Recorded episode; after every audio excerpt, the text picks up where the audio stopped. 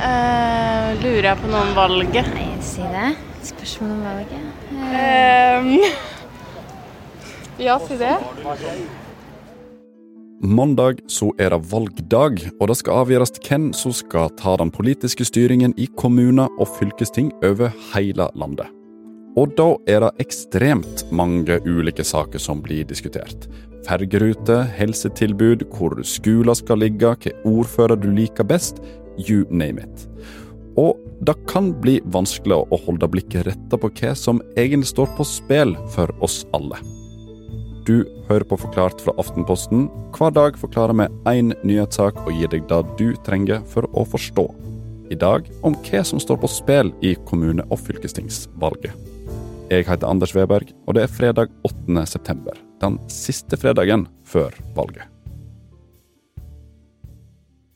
Kjetil Astaheim, politisk redaktør i Aftenposten. Hva er valgkamp for deg? Det er eh, jo en slags eh, demokratiets fest, da. Festival av eh, løpesedler og mm, partiprogrammer og kandidater og drops og vaffelsteking og utspill og, og svingslag og sleivete utfall og mer saklig utfall. I én kommune er det fergetilbudet som er viktigst, i en annen så er det sykehuset som er viktigst. Noen bryr seg om rus, noen bryr seg om politi. Og noen saker de går igjen uansett hvor i landet folk bor. Utdanning er viktig. Eh, rusreform, altså ruspolitikk er veldig viktig for meg. Ja. Det er det. Det er det. Yes.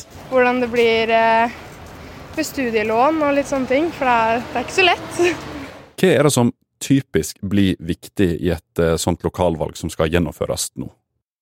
Det er en uh, blanding av tre ting, uh, egentlig. Det er uh, litt sånn de rikspolitiske sakene. hvordan regjeringens popularitet og hvilke saker som beveger seg sånn i, i rikspolitikken. Eksempel mye klimapolitikk er jo nasjonal politikk, eller spørsmål om politibudsjetter og sånne ting er nasjonal politikk. Og så har du de lokale sakene. Det kan være skole, eldreomsorg, byutvikling, hvor det skal bygges i kommunen.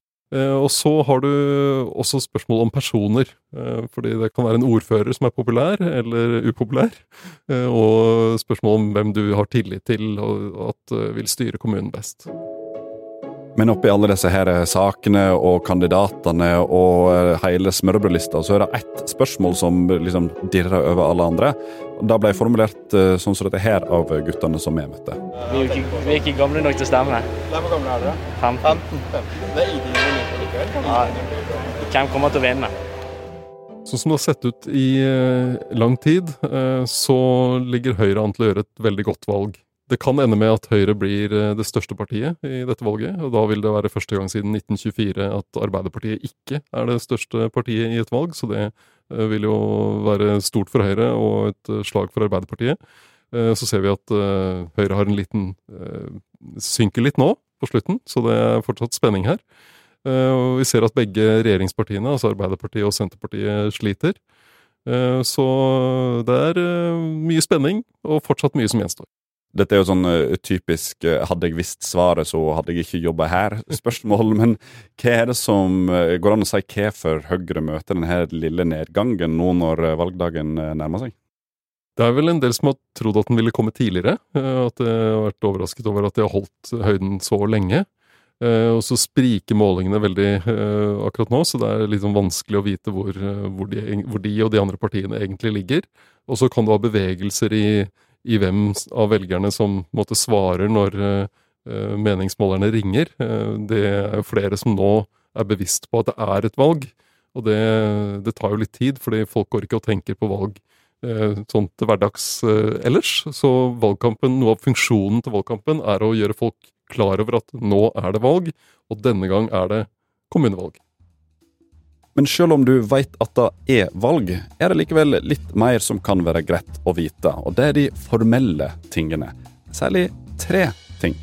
Nummer én Nei, du trenger ikke ta med valgkort, men du må ha med legitimasjon. Nummer to forhåndsstemmingen. Den varer til og med eh, i dag, altså fredag. Og tre, listene som står på stemmeseddelen, de kan du påvirke litt sjøl.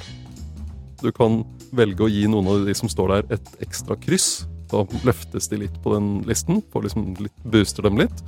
Eh, og så kan du også skrive på navn nederst fra en annen liste, eller flere andre lister, hvis det er noen du liker i et annet parti. Så kan du liksom gi dem en, litt av din stemme ved å skrive opp navnet deres. Og når det praktiske er på plass, så gjenstår bare det vanskeligste spørsmålet. Hvem skal du egentlig stemme på? Og her kommer politikerne inn i bildet igjen. For de jobber hardt nå for å fange alle stemmene de kan. Kjetil, du har fulgt en del politikere på denne jakten eh, nå i innspurten. Hvor viktig er akkurat disse siste dagene for de som nå stiller til valg? De er veldig viktige. For nå, det er jo veldig mange som har forhåndsstemt, eh, så det er en del velgere som det, det er for sent å, å, kjempe om. Eh, men eh, så er det det å mobilisere de siste velgerne inn i valget. Og da handler det gjerne om de som kanskje sympatiserer litt med et parti, men så er de litt usikre på ja, er det så viktig, eller jeg er jo litt misfornøyd også. Men det å få da overbevise de som ligger nærmest deg, nærmest partiet ditt til å si at nå, nå, står det masse på spill her. Hvis du ikke går og stemmer nå, så kan de andre, den andre gjengen som du ikke liker, få makten. Så nå må du liksom komme deg til valglokalet. Den kampen om å mobilisere velgerne helt til slutten, helt nå inn i helgen og på mandag, den er det som kan avgjøre uh, valget i uh, mange, mange kommuner.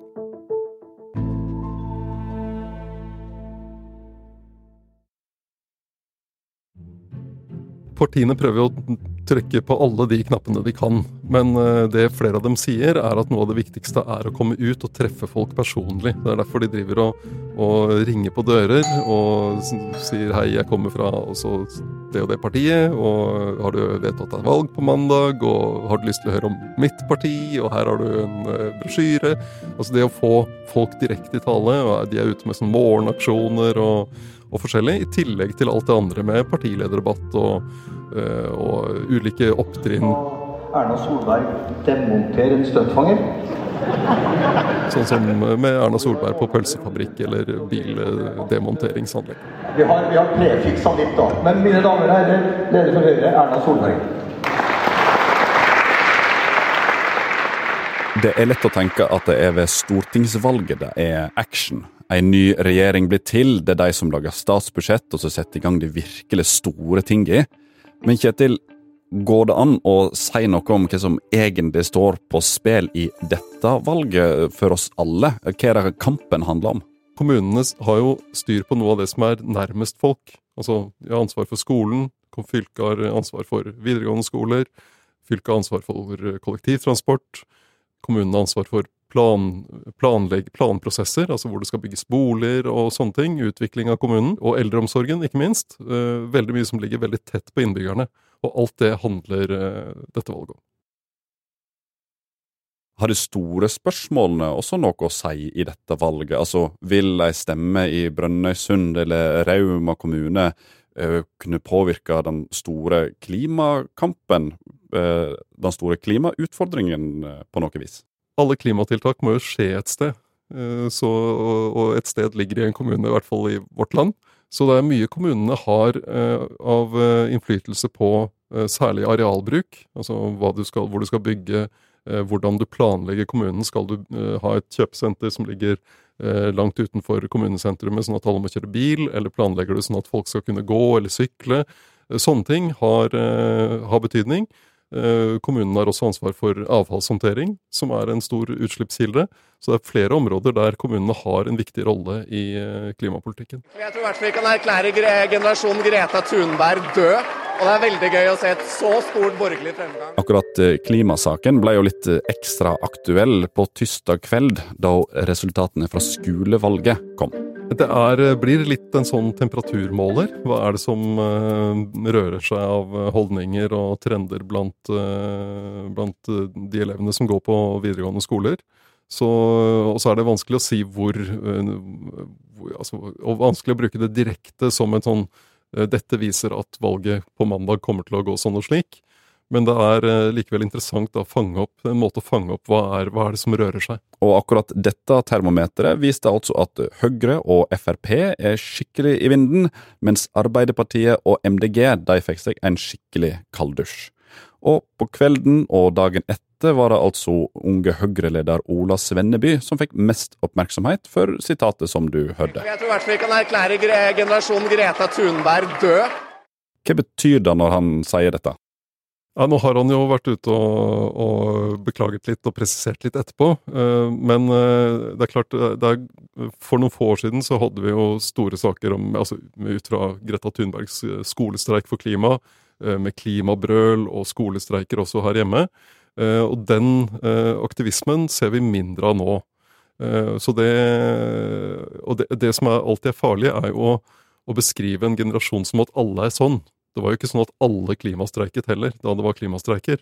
Og det er ikke sånn at ingen er eh, veldig opptatt av klima nå, selv om, eh, selv om det ikke er eh, skolestreiker. Så det, det, er liksom, det er risikoen, da. Man skal være forsiktig med å beskrive en generasjon som én ting.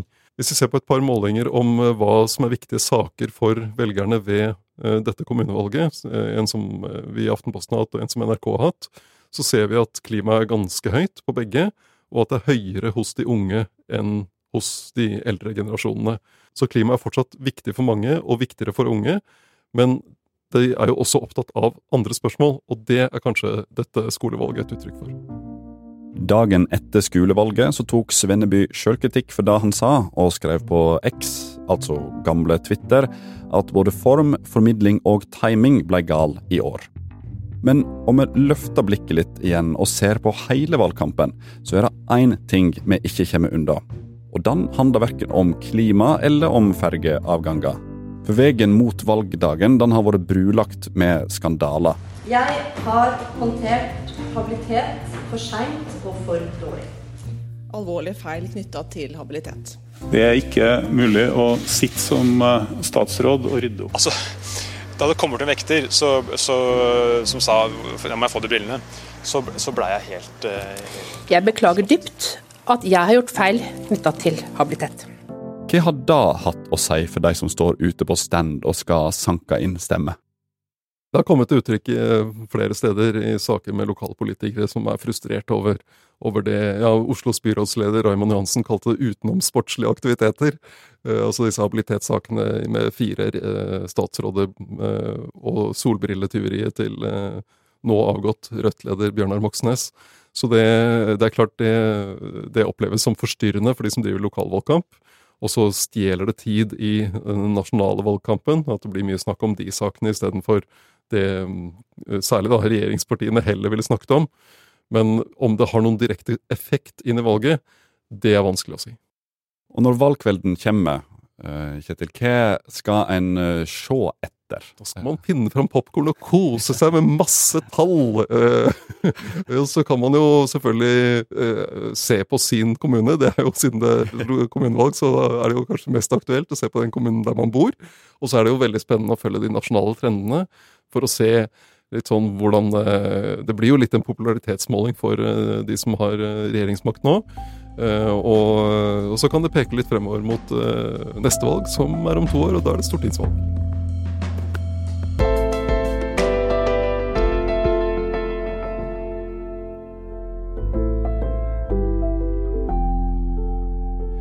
Du har hørt en podkast fra Aftenposten. Det var politisk redaktør Kjetil Alstaheim som forklarte hva som står på spill i dette valget.